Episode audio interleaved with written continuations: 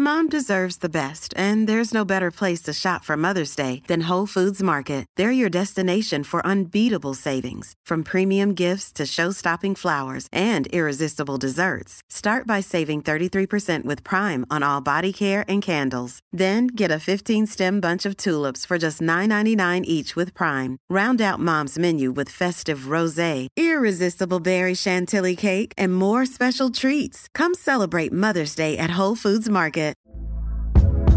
Hey there, it's Michelle Norris. I'm host of a podcast called Your Mama's Kitchen. When I travel, I'm usually looking for a way to find a taste of home when I'm not at home. And one of the things I love to do when I am at home is entertain. And Airbnb allows me to do that. When I was in California recently, I rented a house that had a great kitchen. And when we were sitting around the table, we're all thinking, we're in someone else's house. Someone could be in all of our homes as well.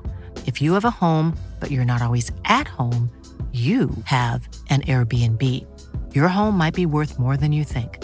Find out how much at airbnb.com/slash host. Hey, it's Ryan Reynolds, and I'm here with Keith, co star of my upcoming film, If, only in theaters, May 17th. Do you want to tell people the big news?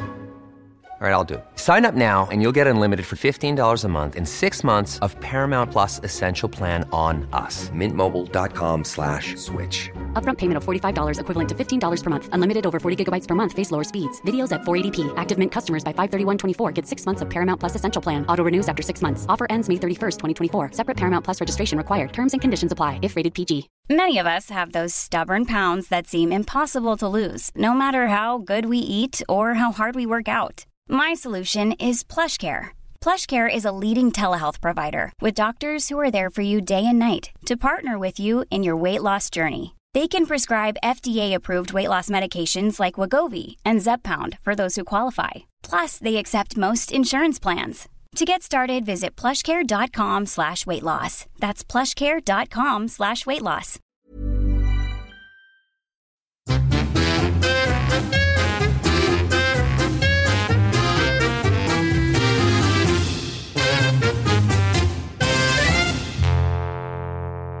Hej och välkomna till Inte din morsa goes fjällen. Ja, verkligen. Nu här efter bilresan from hell. Ja. Det är konstigt att man aldrig lär sig. Man tänker så här, ja men nu har jag packat, inte sovit så mycket liksom.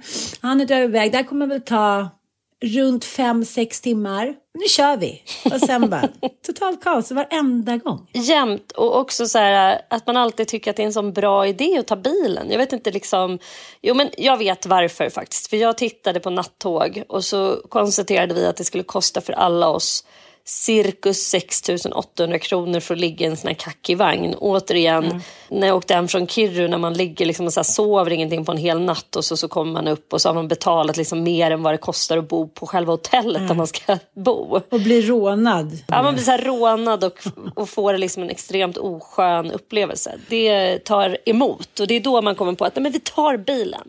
Men vi gjorde ändå genidraget måste jag säga att stanna på mitten på självaste Orbaden, vårt favorithotell. Älskar Orbaden. För er som inte känner till det här stället så är det liksom ett perfekt pitstop på väg upp till eh, svenska fjällen och det är liksom en gammal så här, anrikt badhotell kan man väl beskriva det som som nu ägs av en eh, entreprenörskvinna som har utvecklat det här på olika sätt. Det är både spa, det är bisarra lyxsviter, det är Nej, men nu supergod... måste du stanna där. Det roliga är ju de här sviterna som hon har liksom lagt ut 30 mil på och låtit eh, liksom ortens, bygdens kända eh, människor inreda. Och det finns fler Ja. kändisar från den där Orbaden. Eh, Från Järvsö. Bollnäs kan vi säga. Det är väl liksom Bollnäs. Med omnejd. Vi har ju Peter Stormare, han har ju fått uh, inreda en svit. Och så har vi Victoria Silvstedt och hennes svit heter då Very Victoria. Ja. Och där får hon köra, fick hon köra loss. Och sen, vi fick bo i Marie Antoinette-sviten som, vet. eh, du vet, eh, champagnedrott eller familjen Tatinier. Ja. Ta- Tatinier, Ta- vad heter de? Tattinger. Tatinier. Tattinger. Ja. Det, det där är tydligen någon då person eh, vars ursprung kommer från Bollnäs. Så de har fått inreda den sviten. Och grabbarna fick bo i Chelsea ja men du vet som det här gamla Chelsea Hotel. Typ. Ja men de är ju sjukt roliga. Marie Antoinette-sviten, det, det är ju liksom guldkranar och eh, ryschpysch och himmelsäng och eh, divaner och hela faderullan liksom. Du och Michael körde ju rollspel. Och Foxen var in the house, så, så det blev lugnt. Jag tycker det är så roligt. Eh, tänker alltid att så här, Micke åker lite som min mamma gjorde. Eh, skidor, lite så här 80-tal. Så att man håller ihop benen. Gud ja, det gör han. Men kan vi prata lite om åkstilen genom årtiondena? När jag var på liksom 90-talet och bodde i Sankt Anton, då hade det liksom precis börjat att det skulle vara så här men man skulle åka lite mer som Pernilla Wiberg, du vet så här brett, liksom lite bredare mellan benen, böja på benen. Jag kommer ihåg att mina pjäxor Eh, Loppan som var så här, the Guru-brud, som var den coolaste av alla, liksom bäst på skidor. Hon bara, men du kan inte knäppa pjäxorna, de ska vara helt fritt. Liksom, så att du måste ha kontroll. Åker omkring som en jävla elefantbebis.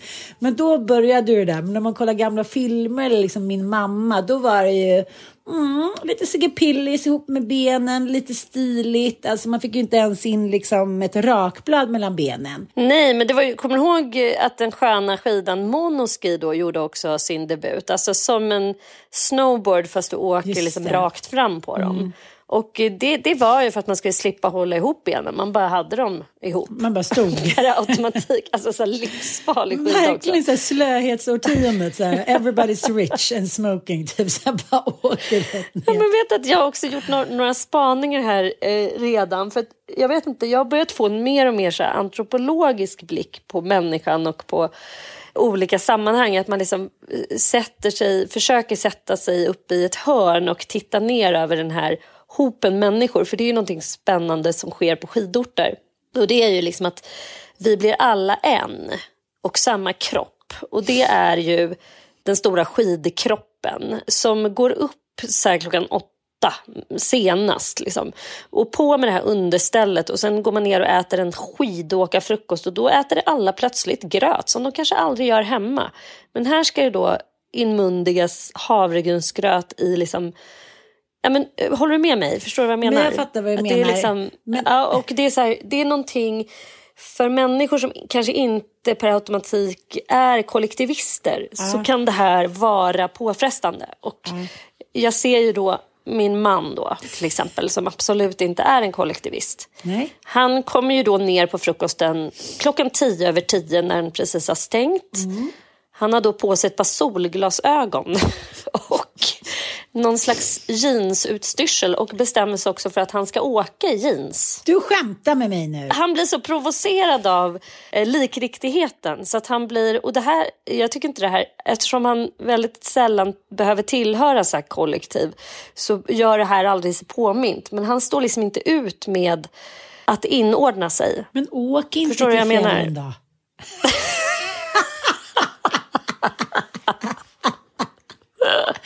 Det där tycker jag ändå är så roligt att han vid snart 60 års ålder fortfarande ska vara någon så här punkare i fjällen. Ja, Han får direkt så här enormt såna punkkänslor i hela kroppen. Det är bara det är väldigt roligt att sitta i ett hörn och se på det ovanifrån. Att liksom jag- jag fattar. att sådana människor finns ju alltid. Eh, så det är inte bara han som är en sån där person som kommer ner i jeans och ett par liksom, solglasögon. Utan det finns ju minst tio andra. För att punken är ju också ett litet kollektiv. Skidpunkarna. Alltså finns det egentligen, ja men skidpunkarna och det är ju de som åker med jeans. Mitt ex Ville gjorde ju det också. Jag var så här, men är du galen, du kan inte åka med jeans. Alltså det är ju eh, det är idiotiskt. Det är ingenting med det som är coolt det är 32 överhuvudtaget. minusgrader. Älskling. Nej, och det är så här, det, det är inte vattentätt. Det är liksom blåser rakt igenom. Du kommer få liksom urinvägsinfektion. Gud vet vad du kan dra på dig för åkommor. Du har missat hela poängen. Du håller på att prata om petitesser och sånt som är irrelevant. Den enda anledningen till att man inte ska ha det där är för fan att det är så fult. Under liksom dödshot skulle jag inte åka ut i backen i ett par stuprör. Nej, men det- 80-talet det- Jo, men jag tror också att en annan grej som jag kan, det kan jag hålla med om om man, om man sätter sig i hörnet och tittar på kollektivet. Att det är liksom en, en väldig sån eh, walk of liksom status. Det, att åka skidor, eh, det är ju väldigt dyrt för de allra flesta. Det är liksom bara skidkort här kostar ju för fan fyra lax för oss i tre dagar. Och sen har vi liksom skidhyra på det. Alltså det är svindyrt. Det kan vi inte sticka under stol med. Nej, men det är och den så att dyraste, alla som är den här... sporten i världen. Ja, och det finns ju liksom inga andra kulturer representerade i stort sett i backarna. Utan Nej. det är vita bananas som kommer upp i så här vrålåkta bilar. Det är liksom övre medelklass och överklass som är här uppe. På Copperhill där ni är, är det ju ingen medelklass om man säger så. Ja, Eller? nej det kanske inte är. Utan det är väl liksom så här, alltså det är lika dyrt att bo nere i hyrd stuga i Björnen. Det är, det är liksom helt sinnessjuka priser. Jag menar, jag måste, vi måste ju inkludera oss i det här. Det är ett faktum att så här, vi skulle inte ha råd att bo här om vi inte hade pengar. Nej, men det är någonting väldigt absurt med det. Det är lite grann som, eh, jag tänker att vi kan summera, summera året lite här också. Eh, den bästa, bäst, bästa serien eh, som jag har sett under året, det är ju White Lotus. Jag ska bara säga var jag är någonstans eftersom alla undrar. Eh, Jag är nu uppe hos eh, våra kompisar, Kalle och Emily, eh, uppe i Lofsdalen med eh, tre, eh, fyra barnen fick jag med mig. Jag kommer hit vid kvart över nio, snabbt, eh, du vet, käka någon snabb middag, fixa till barnen. Man är typ sinnessjuk, så nära eh, liksom all sorts eh, barnaga höll jag på att säga, från 1700-talet i den där bilen på vägen upp. Och sen går vi och lägger oss och eh, Bobo får typ 39 graders feber och är sjuk idag. Så utanför fönstret Stabil. så är det eh, Underbart. fem minus, knallsol och bla bla bla. Och jag måste ändå säga apropå eh, priser så är det faktiskt eh, ställen där eh, det finns ett eh, visst marknadsvärde inte, alltså det finns ju ett företag då som äger halva fjällen, de finns inte här. Och då går Nej. priserna ner direkt. Så att Lofsdalen är ett tips annars. Ja. Ja, men det kan man, alltså det är väl tips generellt att eh, det här jättes, jätteföretaget eh, som ju ändå så erbjuder, om man vill åka med jätteföretaget så får man ju ändå också så ganska mycket för det. det, Ja, alltså det är- ja, gud. de, de äger ju liksom eh, stora delar av de svenska och norska fjällen och liksom har ju fantastisk skidåkning. Åre betraktas ju som världens bästa skidort. Eh, har ju liksom rankats som det i jag kommer inte ihåg exakt vilken tidskrift nu, men en riktigt sån välrenommerad sporttidskrift. Flera år i rad. Så att, jag menar, det är klart att man får mycket för eh, pengarna och det är Ja. eh, fantastiskt att vara här. Men som, som du säger och som du är inne på, det är klart att det går att åka. Vi har ju lilla Edsåsdalen där jag kommer ifrån. Eh, det är ju typiskt ett sånt ställe. Det kanske finns fyra, fem eh, backar, men det är liksom bra mycket billigare. Eller Trillevallen till exempel, som också ligger jättenära Åre. Så man kan liksom åka in, alltså bo där och sen kan man kanske åka in och köra en dag eh, här i Åre. Men skitsamma, det är en walk of, det är en status eh, liksom, uppvisning också. Så att, eh, det är inte bara då att man är här som vittnar om vad man tillhör för klass, utan det är ju även de kläder som man går runt med här. Det är liksom kashmir, alltså det är så dyra saker som folk trillar in med här. Om du förstår vad jag menar. ja, jag fattar.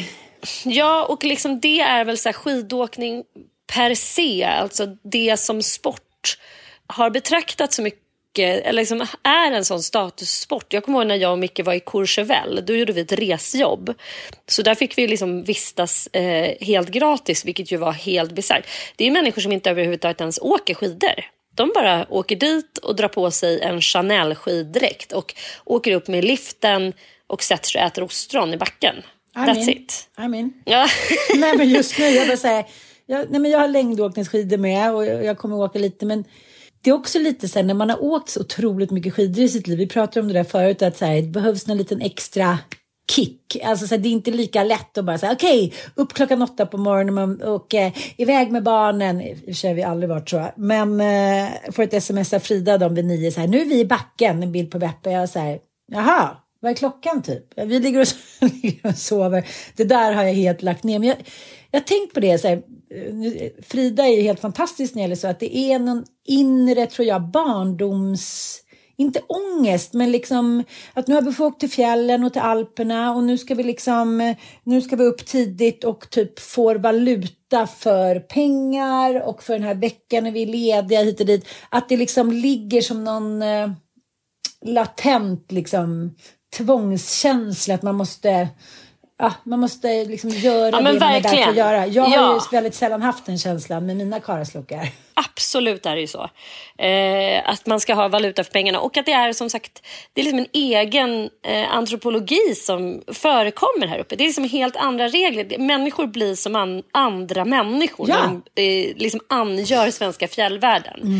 Och, alltså, eh, det finns ju några roliga svenska filmer på tem temat förstås. Liksom. Mimmi och, och Sune i fjällen. Heter och? Reine i fjällen. Mimmi och Reine i fjällen. Alltså så här, ja, där man liksom gör narr av all, alla de här oskrivna reglerna som ja, men det här med havregrynsgröten, att folk bara ska så här, smäcka i sig en äcklig havregrynsgröt bara för att det ska man ha för att stå sig. Eller att man alltid ska ha en apelsin och en bit choklad med sig i en liten sån här magväska. Och att man ska grilla korv i backen. Ja, jag vet, men Ja. liksom på det sättet är det ju inte roligt på samma sätt längre. För nu kan man ju förbeställa skidor bara innan när man skulle säga, få skidor till tre unga mellan tre och fem år. Och snokfarbrorn stod där och liksom ville inte ens vara i skidbacken utan bara så här, det enda han ville var att smita iväg och ta en kaffe typ. Och en ciggepillis. Så det var så här, bara där var ju upphov till skilsmässa. Resan upp är alltid upphov till så många skilsmässor på raken. Så att, för det går ju inte att hålla sams liksom. Så att det är ju väldigt tacksamt. Men det är så att man hamnar i någon unison, eh, du vet, jag vet inte, sektliknande så här. Att man, att man måste nu vara en friluftsmänniska. Man måste vara en Ja, svensk ja. Mm. friluftsmänniska med flaggan i topp liksom. Ja, och då är det så lika delar lidande. Ja. Och lika, lika delar typ skönhetsupplevelser. Man älskar naturen och det är vackert och det är härligt. Så här. Men det är precis lika mycket lidande på vägen dit. Det är de här liksom hårda pjäxorna som ska på. Och det ska krånglas på underställ och det är ullsaker. Och det är liksom helt plötsligt fryser någon efter tre minuter. Alltså det, det är mycket lidande på vägen dit. Och sen så får man ändå Alltså när jag tittar ut genom fönstret här, jag blir, för mig är detta lidande värt det på något sätt. Nej men gud. Eh, för att det är, liksom, det är så, något så djävulskt vackert här uppe nu. Det är knallblå himmel, det är liksom helt vindstilla, vilket typ aldrig sker. Och det är liksom grantoppar med såna här flufftecken som är nästan som, ja, overkliga. Det är så jävla fint. Okej, året som gick då.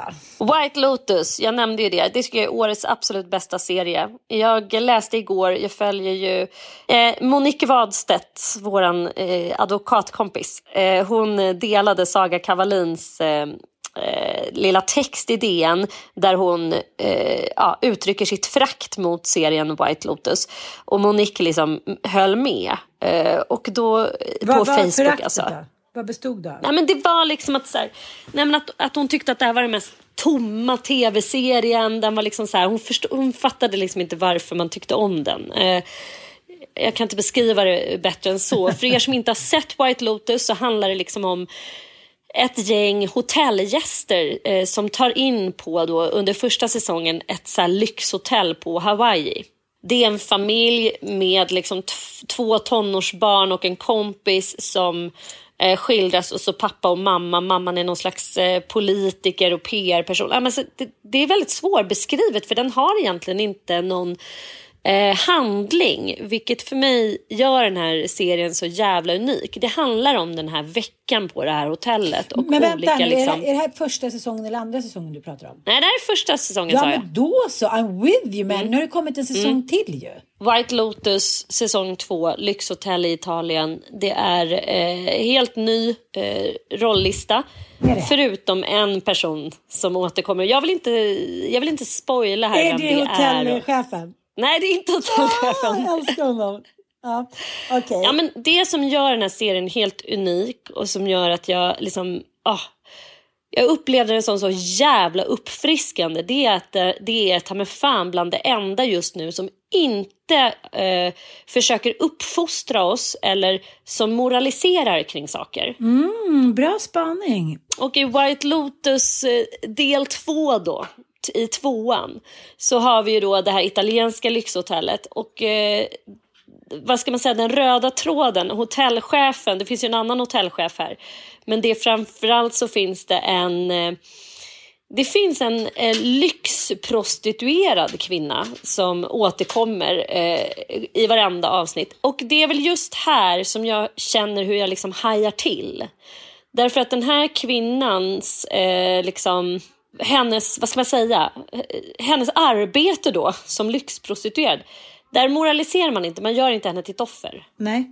Och det känns ju, du vet, när man hajar till och man bara, kan man göra så här? Kan man skriva en roll som är så här? Om ett sånt här yrke där vi har fått lära oss att det finns liksom ingen prostitution som inte innebär våldtäkt och hot om våld och att man liksom utsätts för ja, men så här sexuella övergrepp och uh, hela det narrativet som, som på något sätt styr så hårt nu. Här beskrivs hon helt oproblematiskt bara skutta runt mellan kund till kund på detta glamorösa lyxhotell.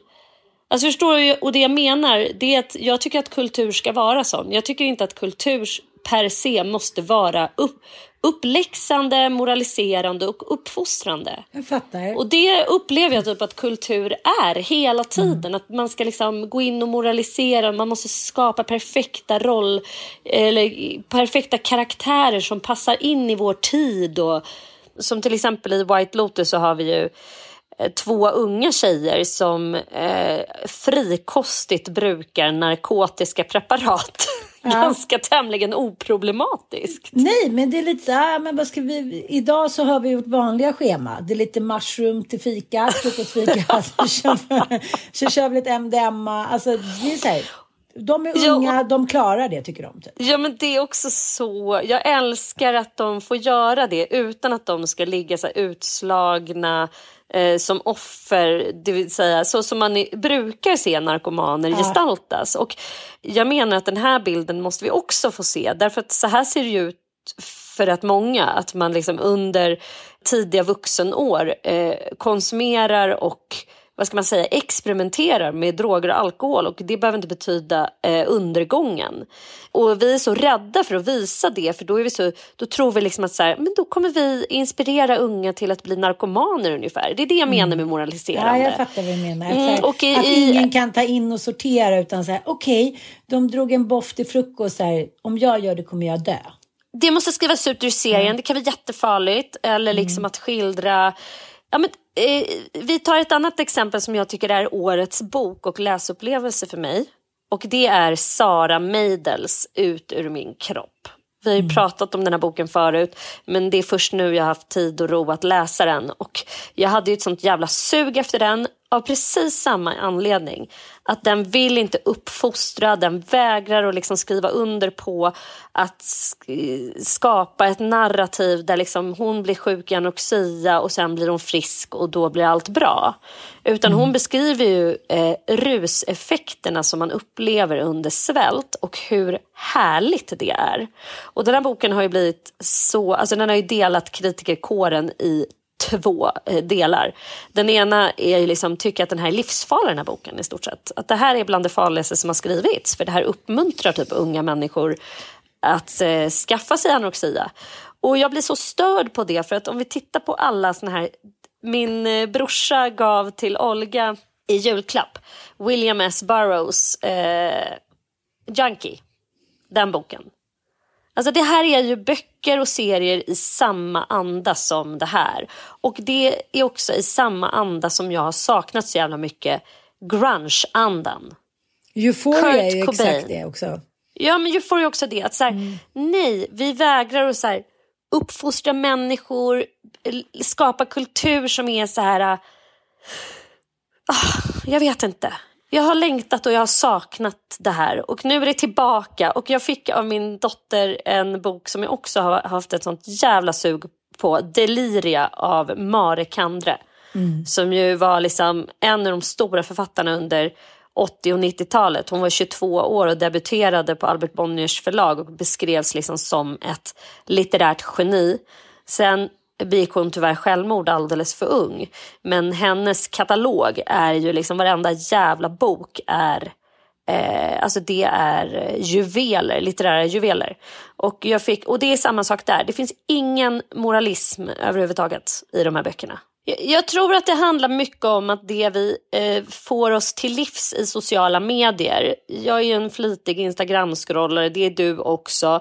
Och det är ett så här, ett berättande som handlar så mycket om att beskriva sitt liksom happy-go-lucky-liv hela tiden.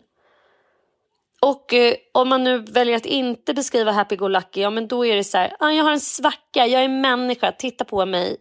Eh, så här, jag är mänsklig. Men sen är det bara direkt eh, bild på någon härlig, liksom, ett blomsterarrangemang och liksom något vackert igen. Och jag tror att Jag det är det jag... ja. Men det är lite som att man inte har något existensberättigande när man mår dåligt. Man får må dåligt en liten stund och sen måste man upp liksom eh, Mm. Sen ska man visa hur man Ja. tar sig upp. Ja, precis. Och då kanske man har gått ner några kilo och är smalare. Då får man höra så här, fan vad snygg det är. Har du gjort, har du opererat dig så du... då blir det direkt utseendehetsen.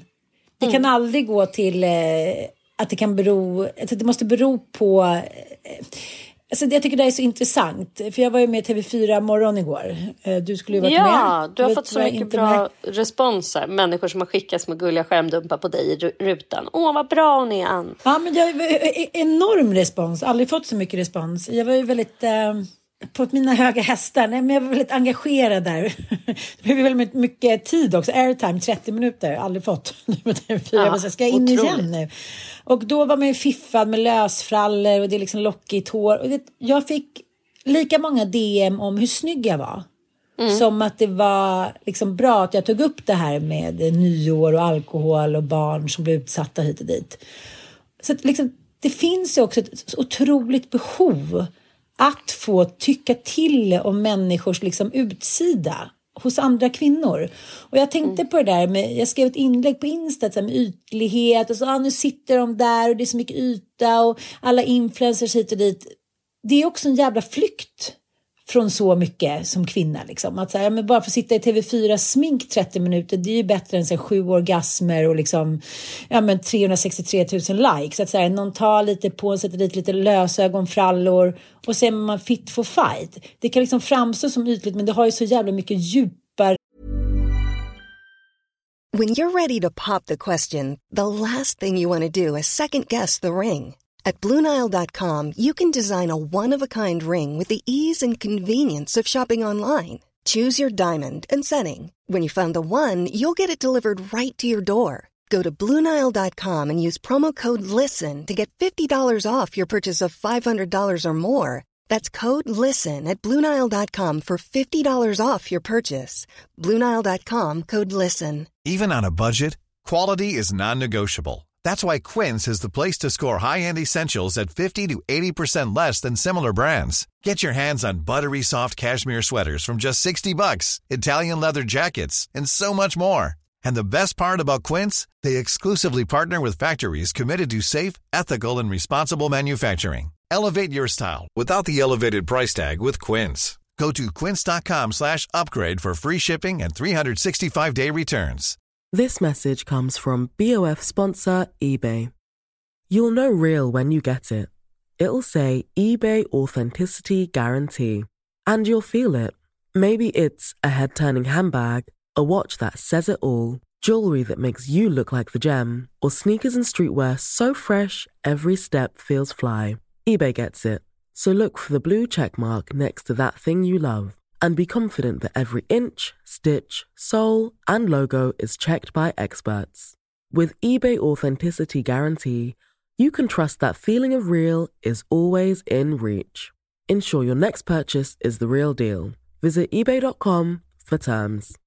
Hey, it's Ryan Reynolds, and I'm here with Keith, co star of my upcoming film, If, only in theaters, May 17th. Do you want to tell people the big news? All right, I'll do it. Sign up now and you'll get unlimited for $15 a month in six months of Paramount Plus Essential Plan on us. Mintmobile.com slash switch. Upfront payment of $45 equivalent to $15 per month. Unlimited over 40 gigabytes per month. Face lower speeds. Videos at 480p. Active Mint customers by 531.24 get six months of Paramount Plus Essential Plan. Auto renews after six months. Offer ends May 31st, 2024. Separate Paramount Plus registration required. Terms and conditions apply if rated PG. eh, mening än vad, många fattar. Förstår du lite vad jag menar? Men eh, då tänkte jag just på det där att ah, vad har du gjort? Så här, har du opererat dig? Har du gjort någon skönhetsoperation? Så här, du har gått ner några kilo? Man bara, ja, eh, men fattar du vad jag menar? Att så här, direkt så, så måste man, man vill att det ska gå en genväg. Förstår du? Jag är ju smal när jag liksom, eh, är olycklig. Det är väl ungefär de gångerna som jag är smal. Annars är man väl liksom lite mellan. Eller när man supertränar, men då blir inte jag supersmal liksom. Men jag tycker att det finns någonting i det där också, det här uppfostrande, moraliserande. Att säga, ja, hon tillbaka lite här i rutan, hon fräsch, det är bra. Istället för Ja, att jag, fick, suttit- jag fick också faktiskt, jag ska inte läsa det för dig för jag tyckte det var så jävla, alltså vi får ju väldigt sällan hat riktat mot oss du och jag, vilket jag är så otroligt tacksam över för Ja, jag var ju kolumnist i Aftonbladet i fem år och bloggade på mamma och jag fick så mycket hat då och jag tänkte att det här rinner av mig som en gås men det gör liksom inte det. Men sen, ja säkert eh, sju, åtta år tillbaka så har jag Alltså jag får nästan ingenting. Nej, jag. jag får konstruktiv kritik, människor som frågar och ifrågasätter hur vi tänker ibland och så här. Men det damp ner i min inkorg. Också en person då som ska ha sett dig eh, och som tycker att du är en hycklare eftersom du pratar om dina magoperationer men inte om att du har sprutat hela ansiktet fullt och hitan och ditan. Alltså det var så här, det var så eh, otroligt Till hatiskt dig? skrivet. Ja, de skrev det till mig så att jag ska framföra det här till dig. Men varför kunde hon inte skicka det direkt till mig då? För det var väl en kvinna kan jag tänka mig. Nej, det var till inte din morsas Instagram. Så det var väl liksom, men Aha. hon skrev det ändå adresserat till mig. Så hon tyckte att jag då, alltså det är också en typisk triangulering. Att hon liksom Ah. går via mig. Hon vågar Ah. inte framföra den här kritiken själv. Utan går då via mig. Skolgårdsmentaliteten. Ja, Viskande. men jättesjukt. Ja. Ja, nej, det är liksom, det är också lite så här, man, man märker då att det blir som en vattendelare när man har blivit 50. Ja, men jag, Eh. men jag måste också säga, för jag blev så sjukt eh, provocerad av det, av det skälet att vi har väl aldrig stuckit under stol med att vi både botoxar oss och har testat. Nej. Vi har ju för fan lagt ut på Instagram när du gör din tear through behandling. Kommer du ihåg det? När jag så här, filmade dig, jag höll på att typ Ja. svimma själv. Så här, och att Ja, vi fel båda har testat skulle- det ena och det tredje. Och vi kanske inte är Ja. slavar under det här, för det tycker jag inte att någon av oss är. Vi är ojämna, att- vi är mycket ojämna. men vi körde hamsterkinden också. Det är för roligt. Det är mina roligaste bilder på dig och mig. När vi gjorde någon så här, för er som inte fattar någonting nu, så gjorde vi alltså eh, någon form av sån här eh, fuktgivande behandling. De, de sålde ju in det så bra på oss. Att det är som Restylane fast det är väldigt lättflytande. Det är typ som att du tillför fukt fast under huden. Så det är liksom ingenting som fyller ut. Jo, tjena. Vi såg ju alltså ut som hamstrarnas liksom the queen of hamsters. Det var ju ett skämt. Det var liksom Nej men det är, mina, mina barn brukar titta på de här bilderna och skratta så mycket så att det är ett skämt alltså. Men du vet de här maskerna som man har på nyårsafton som är så här Ja, små grisar. Ja! Ja, herregud. Nej, det är mycket med utseendet. Och jag, jag tycker att den debatten som har varit också den här hösten om hur kvinnor måste känslokorrigera, som Åsa Bäckman skrev i, i DN. Att så här, vi får inte känna fel känslor som kvinnor.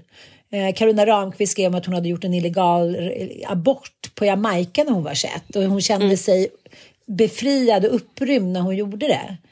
Och det tyckte liksom, då hade någon eh, läsare ringt till Åsa Bäckman och tyckt så här, att hon inte ens känner skuld och, och skam och mår dåligt. Men vem fan Ja. gjorde det när man var 20 och skulle göra en abort? Det var väl ingen... Alltså, jag förstår precis känslan. Jag kommer ihåg, jag gjorde en abort när jag var 20 och Lill-Åsa och Frida satt med där. Jag tog en liten tablett och så här, oj ska den hoppa ut nu? Och det, det var ju som att vara ett barn som gjorde ett vuxeningrepp. Förstår du? Det är klart att jag kände mig befriad. Men då får man inte känna så. Man får inte känna också att man kan få en kick av att svälta sig. Allting som har med kvinnlig kropp och moderskap och skuld, lex Margot. Då ska vi känna skuld och vi ska gråta och vi ska ångra oss och vi ska egentligen vilja ha den där bebisen. Men nu funkar inte det på grund av, vet inte, fattigdom. Alltså det finns ju inga historiska referenser att dra längre. Det handlar bara om att jag vill inte ha det här barnet. Till exempel. Ja. ja, men det är också det. Det är väl också återigen där att vi vägrar att eh, moralisera. Alltså det är väl, där har du väl återigen ett exempel på det att Carolina Ramqvist bara beskriver en abort på det här sättet. Och jag tror att, alltså jag känner igen mig jättemycket i det. Jag känner Ja. däremot inte igen mig i att man gör en abort och då måste ligga och vara liksom ett psykvrak som ångrar sig och mår fruktansvärt dåligt utan tvärtom. De gånger jag har gjort abort så har jag känt en enorm befrielse. Annars så går man ju inte och gör det här ingreppet antar jag. Alltså man vill ju inte ha barn just där och då och eh, naturligtvis så är det eh, som att som att frigöras från en enorm jävla börda. Liksom. I alla fall har det varit så för mig. Och det är helt som sagt absurt att den typen av känslor inte ska få beskrivas då i ja. text. Eller men då, kulturellt. Jag skulle det, det är skitkonstigt. nu och köra en sån one night stander mot alla odds skulle så här, bli på smällen tanta Loran med något ägg som så här, överlevde mirakulöst. Vadå, skulle jag behålla det? Nej men det skulle jag ju inte. Nej. Nej, och jag tycker det är jävligt intressant för den här känslokorrigeringen. Jag, jag känner att jag har gjort en liten rannsakan om mitt liv och jag känner att den har ställt till så mycket mer än vad jag tror. Jag kommer ihåg en, en vän, kompis till oss, en känd kompis som var ihop med en väldigt känd artist och sen så tog det slut med buller och bång och han fick reda på att hon hade varit otrogen hitan och ditan och liksom, hon var inte dugg kär i honom längre. Hon har inte varit på massor av år, han var inte heller det henne. Men känsloredigeringen då, att då ville inte han mer. Nu var han sårad, han satte ner foten, så vi är inte kära varandra, nu lägger vi ner det här.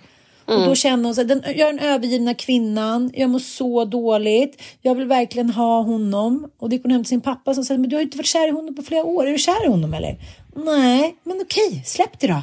Var mm. glad, var tacksam, ni har härliga barn tillsammans och du är ung fortfarande, ut igen. Att man säger, jaha, och jag har en kompis nu som också har blivit kär i någon annan och så blev det inte riktigt så. så och då känns det, men gud, nu har jag gjort fel, nu vill ingen ha mig längre. Nej, men vadå, du följde ditt hjärta, du gjorde en känslomässig korrigering mot rätt håll. Mm. Nu bara för att det inte blev som du hade tänkt betyder inte då att du är jättekär i ditt ex. Eh, eh, nej men du fattar att man, så här, det är förväntningar över hur livet ska bli. Mm du vet som du, ja men med medberoende och allting. Om man bara sa till sig själv att det här är bara känslor, jag går inte med på det här. Vad är mm. sanning och vad inte? Mm. Istället för att då ska jag känna så, det blev inte som jag hade tänkt och det här romantiska bilderna, vad? Av vad? Det finns ju inte längre. Det samhället som så här, Gud skapade, det är ju borta. Vi måste mm. någonstans inse det. Sen kan det finnas massa fina värderingar och men en kompis sa till mig häromdagen, hon bara, varför offrar så många så jävla mycket för att ha en familj? Det spelar ingen roll om det är bra för liksom, om, om det funkar bra eller om, om man är lycklig eller man får så, sina behov tillgodosedda. Det ska bara vara en familj. Det ska vara en familj. Jag har mm. gått och tänkt så mycket på det där. Jag, jag har inget riktigt bra svar. Jag har faktiskt ett bra svar. Och eh, då vill jag komma till årets podcastavsnitt. som jag lyssnade på på vägen upp. Alltså våra favoriter, Holistic Psychologist. Eh, hon har ju en podd som heter Self Healers Soundboard. Det är inte en jättebra podd för att den är ganska pladdrig och den är ganska oredigerad och jag tycker att den Ja, hon tappar mig alltid. Liksom. Hon mm. gör den mhm. tillsammans med en kollega, oklart vem. Men det är liksom, ja, jag tycker inte att den är så väl Eh, gjord. Men hon hade nu i september Gabor Maté som gäst. Ja, bara googla på det ni kära lyssnare som är intresserade av eh, trauma och vad trauma gör med oss. Eh, Kolla min så... spetälska min. Ja. Av, avundsjukan. Ge mig avsnittet. Ja, men nästan det här är ju liksom två tycker jag, personer som har så seglat upp under 2022 och tagit plats, den rättmätiga platsen och så här, de är med om att skapa ett paradigmskifte i synen på psykiatriska diagnoser, på psykiskt lidande, på psykisk ohälsa och det är också extremt uppfostrande, eller förlåt nu säger jag fel, det är också extremt ouppfostrande. Det är liksom bara ett sätt att så här, vidga den här biomedicinska mm, vad ska man säga, inramningarna. Tajta av, tröjan ja. som sitter hårt fast och det, Men då är han i alla fall inne på, de pratar väldigt mycket om eh, den här rädslan för att bli övergiven i det här podcastavsnittet. Och eh, han beskriver det som ursprungssåret hos de allra flesta människor i västvärlden. Därför att vi har ju varit inne på det här så mycket. Jag kände bara att jag ville skicka det här, den här länken till det här podcastavsnittet till Camilla Läckberg. Jag fick hålla mig från att göra det men liksom att så här, ett litet barn eh, som man eh, lämnar bort Eh, han beskrev, han tog ju liksom det amerikanska välfärdssystemet eller bristen på välfärdssystem som ett mm. så här, extremt bisarrt exempel på att mm. man bara är föräldraledig med sitt barn i två veckor. Mm. Sen ska man börja jobba igen. Så när barnet är två veckor då lämnar man barnet till en nanny eller till en, en för, alltså någon typ av så här kindergarten. Alltså det är liksom De hade så fått skjuta mig först. Ja, men då, då Ja. frågar han så här, vilket annat däggdjur skulle någonsin göra så mot sin avkomma? Inget. Det har skapat liksom så, så mycket lidande, så mycket psykiskt lidande och så mycket att vi alla lever egentligen konstant i överlevnadsstrategier. Det är det Gabor Maté är inne på. Att liksom fight, flight, fawn eh, eller freeze, det är de här fyra traumaresponsen som vi har. Och bebisar som lämnas då till okända människor går ju in i eh, någon av de här eh, responsen och det ser man ju ganska tydligt. Antingen har du en bebis som gallskriker när den blir fråntagen sin mamma och sin anknytningsperson. Men sen har du ju barnen som så här, freeze eller som fawn, alltså går in i det här anpassningsläget. Eh, att man försöker söka så här, hej då kanske du kan ta hand om mig istället. Jag är jättegullig. Eh, ja, och freeze och eh, fån är de försvararnas bebisar som vi alla tycker är så här, åh gud vilken snäll bebis du har. Den kan bli lämnad hos vem som helst så att jag kan gå ut på krogen och ha vuxentid och gå på spa. alltså, så här. Våra barn har aldrig kunnat bli lämnade till några. Typ. Nej, men då är liksom de här andra två tra- traumaresponsen, alltså fight or flight, det är besvärliga barn. Det är barn som problematiseras då genom hela sin uppväxt för att de inte klarar av att hantera de här lämnande processerna som vi hela tiden åstadkommer i, vårt, i vår västvärld. Eh, alltså jag, jag vill inte gå närmare in på det här, men det här eh, podcastavsnittet, alla som har barn behöver lyssna på det här och alla som också undrar över varför vi så krampaktigt håller oss kvar i relationer som vi kanske inte mår så bra av. Mm. Och varför familjen kanske till och med blir ett rum som bidrar till stress mer än vad det gör oss trygga. Alltså att vara i familj, att man upplever det som att så här, ja, jag är mamma här, jag får bara projektleda, jag får bara hålla på här och greja, jag blir liksom stressad, jag måste ha egen tid. Jag står inte ut att vara i min familj, jag måste få vila typ på hälsohem. Det menar han också är liksom ett då har vi gått in i en roll av anpassning som gör oss, eh, alltså skapar lidande för oss. Alltså familjen ska ju vara den plats där vi upplever trygghet och avslappning. Inte en plats där vi upplever stress och att vi får liksom mer stress i livet. Sjukt intressant. Årets bästa poddupplevelse. Ja, du skickar länk direkt älskling. Du skickar länk direkt. Och nu ska jag läsa eh, Lina Wolf. Har du någon koll på henne? Nej. Hon har nu skrivit boken Djävulsgreppet, Anrik Albert Bonniers förlag. Vid vilken tidpunkt spårar allt ur? Är första frågan på baksidan. Den jäckar mig så mycket. Eh, vi har pratat förut om just det här med moral och syltburk. Så här, att folk ska framställa det som så här, jag vet inte vad som hände. Jag blev kär mot min vilja eller så här, jag lockades bort. Jag var full. Lalala. Att jag tror att så här, 99 procent av alla människor, trots att vi tar liksom, eh, rusningsmedel och mår dåligt eller är i kris, vet vilken tidpunkt allting spårar ur. Förstår du vad jag menar? Man tar Ja. det där valet och man bara säger, nu var det så mycket sylt på min hand att jag bara... och eh, den här ska jag börja läsa nu. En kvinna anländer till Florens där allt tycks henne främmande överväldigande.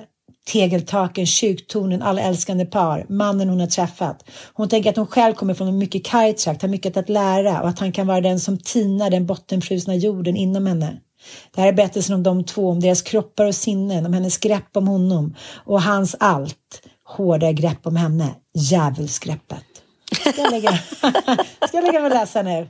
Få lite tantasnusk. Ja, nej. Eh, nej det saknar man ju också. Alltså tantasnusket. Ja, vad tog tantasnusket Eh, det- vägen? Romantiken. Alltså, så här, John Collins, jag tycker att allt är förlåtet. Jag vet, men också att det är så mycket som präglas av så här, det är våld, det är, liksom, det är mycket våld och det är mycket konflikt på något sätt som präglar både det mediala landskapet och, och så här, seriernas värld och så. Därför, eh, jag saknar liksom den romantiska dramat. Det romantiska dramat. Var är de filmerna? Varför får vi aldrig se dem? Var, Jo, jag du... tänker ändå så här att Emma Hamberg håller ju fanan högt. Ja. Mm. Med Chemapelle, Agneta och hit och dit. Hon är ju liksom den sista. För det är ingen alla är så intellektuellt skitnödiga för tillfället. Så att det är ingen som vill skriva såna här böcker. För att man vill Nej. skriva såna här djävulsgreppet och det ska vara svårt och knorrigt och man ska inte riktigt fatta vad man läser och det ska vara liksom som du säger våld, knark. Man ska, det ska vara svart och man ska må dåligt. Nej, ge mig bara de här gamla Harlequin-böckerna. Det är som jag skrev på min Insta. Ge mig bara lösfrallor och fake news. Det är så här, it's too much right now. Jag bara skiter Nej, jag håller med Nej, men jag håller det inte här- med dig. Jag vill, jag vill ha romantisk, du vill ha romantisk komedi. Jag vill ha romantiskt drama. Jag vill gärna ha inslag av droger och våld och så. Men det ska ändå vara romantik och det ska ändå vara liksom Ja, du vet starka känslor och vi mot världen och hela den biten. Det, Men det romantiken jag. är ju lite bortkorrigerad just nu från samhället. väldigt mycket bortkorrigerad. Ja. Knapplösa knullet är tillbaka. Ja, verkligen. Men du, nu går vi mot 2023. Vad har du för eh, nyårslöften? Men jag håller ju på nu med min bok. Med din bok, berätta. Ja, My Journal av Olga Rönnberg. Du vet, fembarnsmamman. Alltid fit, alltid rätt, alltid på Hon gång. bloggade på mamma samtidigt som jag. Det var liksom när hon skulle få tvillingar. Och, ja, alltid. Hon höll ju på med någon typ av träning där för mammor och allt vad det var. Mm. Ja, Nu har hon skrivit en... Vad är det för bok? Men, men det är liksom ett, en årsjournal. Där man först går igenom året innan. Funderar på att det kanske är ett nytt livsval. Våga ta steget fullt ut eller bryta dåliga vanor. Då är den här liveplanen för dig. Här samlar du reflektioner över dig själv, dina beteenden och bla. Hitta personligt anpassade lösningar. Så det är en massa frågor, reflektioner och så här månatliga veckovisa uppföljningar då.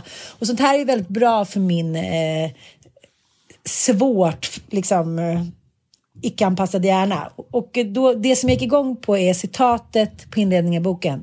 Det blir alltid som jag har tänkt mig. Olga Rönnberg. Så nu sitter jag här då med del ett, håller på, året som har gått, del två mig, del tre mitt drömår, planering framåt och hit och dit.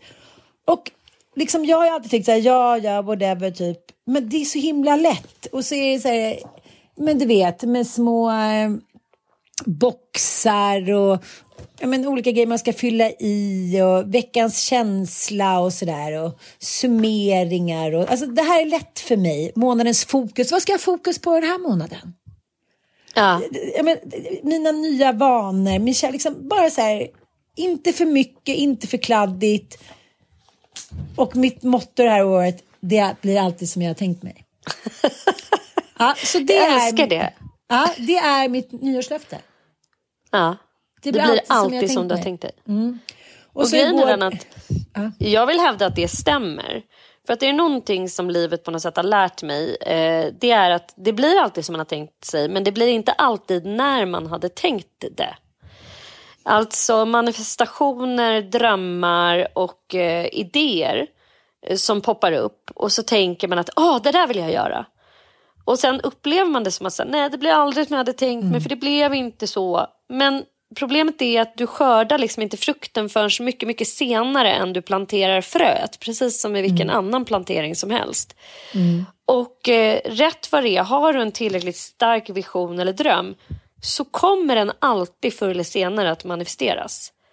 Men man måste ha tålamod. Och det, det sker aldrig liksom, jag, jag tycker det, eh, i alla fall är är det så i mitt liv, att eh, det, det tar liksom tid.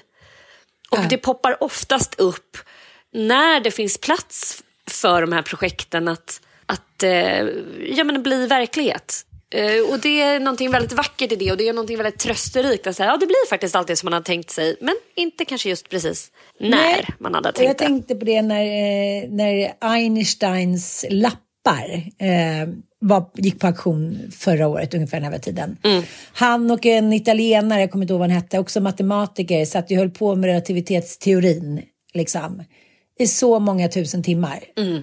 Och eh, han hjälpte då Einstein så här, när han körde fast och så var det någon liten lapp då där liksom sista då lösningen hade eh, rivits ut då och skickats till varandra och sånt där. Det är så himla fint att du säger det för att nu när jag börjar summera året och börjar känna så här okej, det här året kanske inte var för mig rent intellektuellt målmedvetet det bästa. Jag brukar alltid ha delmål. Det här året har jag mest varit så här, okej, men det här året, nu kör vi bara. Liksom, jag har bara låtit det gå på något sätt. förstår du vad jag menar? Och då tänker man så här, då är allt det som är upparbetat innan raserat. Men när man tar lite så här geografiskt och fysiskt och psykiskt avstånd från det som håller en fast i vad det nu handlar om, då kommer det där bakifrån. Ja, jag menar så det. Så skidåkare ner för ett berg, man bara, ja men där kommer ju den där idén och där kommer ju den där resan och där kommer ju den där boken som faktiskt halvgjord. Och det är så himla befriande för man har tänkt så här, ja nu får jag börja om igen. Det behöver man aldrig. Man behöver nästan aldrig börja om från allra första början. Nej. Men mitt, eh, jag har massa små eh, mål liksom, och, som jag vill ska förverkliga. Men målet är också mycket för att jag har lyssnat och läst på Gabor och The Holy Psychologist. handlar ju mycket om att ta reda var känslorna kommer ifrån. Mm. Att när jag känner mig övergiven eller när jag går igång på någonting så är det så himla mycket undermedvetna att det inte handlar om att jag måste agera på den känslan hos någon annan människa. Och så tänkte jag igår, du och jag brukar ju prata mycket om kackerlackor. Mm. Att vi är som kackerlackor. ja men så här, ja men gud, det här livet är jättebra. Mm. Jaha, men nu är vi i Sydafrika på något soptips. Det här livet är också jättebra. Mm. men sen så tänker jag och tänker så himla mycket på min, mina partners, liksom, ja, de jag haft genom åren och mina barn. Att jag tänker inte på mig själv så här, gud vad skulle jag tycka var ett bra liv? Eh, hur skulle jag vilja ha närmsta året? Vad, vad vill jag fylla för behov? För mig är det så här, ja men du vet, turkomeniska för kvinnor i överklassen som kan åka på yogaläger. Så tänkte jag igår så här. Men så tänker jag för min partner, så här, bara liksom bara de får sitt bästa liv. Jag vill liksom skapa så att de kan leva sitt bästa liv. Men, men varför ska de ha så himla bra liv? Varför tycker du att vilket liv du än har mm. så är det ändå bra? För jag är med mina barn och jag får podda med Sanna hit och dit. Vad skulle på riktigt få mig att må riktigt jävla bra och känna mig så här inte agera på alla små känslor och liksom vara rädd för de här stora känslorna för mig runt omkring. Varför är det så jävla viktigt för mig hur alla mår? För de verkar uppenbarligen må ganska bra. Mm. Och då blev det så helt tomt i min kropp. Jag bara, jaha, ja, gud. Jag bara, då tänkte, kom ordet upp storhetsvansinne. Mm. Det ska vara mitt honnörsord för 2023. Mm. jag ska bara tänka så här, storhetsvansinne. Ja, men då gör jag det. Ja, men jag kommer göra det. Ja. Jag är fan fucking Napoleon. Kanske med lite defekter och liksom lite komplex, men så här, nej, men jag ska bara gå all in på allt. jag älskar det. Gud vad bra. ditt, ditt ledord för 2023, storhetsvansinne. Ja, jag ska fan köra på samma. Helt klart. Jag härmar dig. Det hade vi namnet på podden älskling. Ja, hörni, ja. ni som lyssnar, ja. vi älskar att ni hänger med och eh, lyssnar eh, vecka efter vecka. Det är helt fantastiskt faktiskt och det måste jag säga har varit ett mål för mig den här, eh, det här året. Att få podden att faktiskt eh, bli en sån här konstant och att den är lyssnad och ni är så många som hänger med oss närmare 80 000 varje månad. Och ni stannar ja, kvar och ni, ni är så mm. otroligt gulliga. Vi älskar ju när ni skriver till oss. Ni kan göra det på Instagram eh, där vi heter inte din morsa förstås. Och det är bara att skicka ett DM. Ni kommer ofta med så härlig konstruktiv kritik eller frågor där ni undrar liksom, vadå, vad menade ni där egentligen? Eller jag håller inte med. Uh, och det sånt älskar jag. Jag tycker att det, det får oss att växa. Så fortsätt med det. Och uh, våran lilla bebis, Fråga Freud, som kommer nu en gång i veckan. Den är också så otroligt rolig att göra och ni verkar uppskatta den. För ni lyssnar lika mycket på den mm. som ni lyssnar på, på vårt fredagsavsnitt. Så du har, mycket, du har jättefel om eh, våra siffror. De är uppe i över 100 000 per månad. Oj! My God. Ah, ah, men så nu ska det fira. Här ska det firas. Ah. Pop the ah, champagne. Puss och kram. Puss och kram.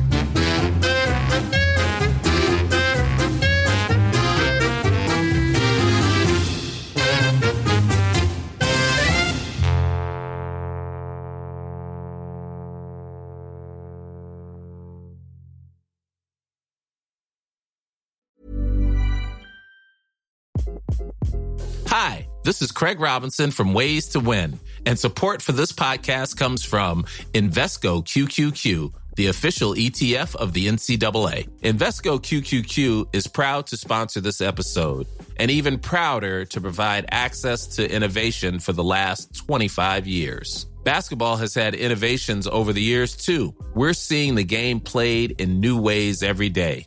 Learn more at Invesco.com slash QQQ. Let's rethink possibility. Investco Distributors, Inc. This message comes from BOF sponsor eBay. You'll know real when you get it. It'll say eBay Authenticity Guarantee. And you'll feel it. Maybe it's a head turning handbag, a watch that says it all, jewelry that makes you look like the gem, or sneakers and streetwear so fresh every step feels fly. eBay gets it. So look for the blue check mark next to that thing you love and be confident that every inch, stitch, sole, and logo is checked by experts. With eBay Authenticity Guarantee, you can trust that feeling of real is always in reach. Ensure your next purchase is the real deal. Visit eBay.com for terms. Hey, it's Paige DeSorbo from Giggly Squad. High quality fashion without the price tag? Say hello to Quince. I'm snagging high end essentials like cozy cashmere sweaters, sleek leather jackets, fine jewelry, and so much more. With Quince being 50 to 80% less than similar brands. And they partner with factories that prioritize safe, ethical, and responsible manufacturing. I love that. Luxury quality within reach. Go to quince.com slash style to get free shipping and 365 day returns on your next order. Quince.com slash style.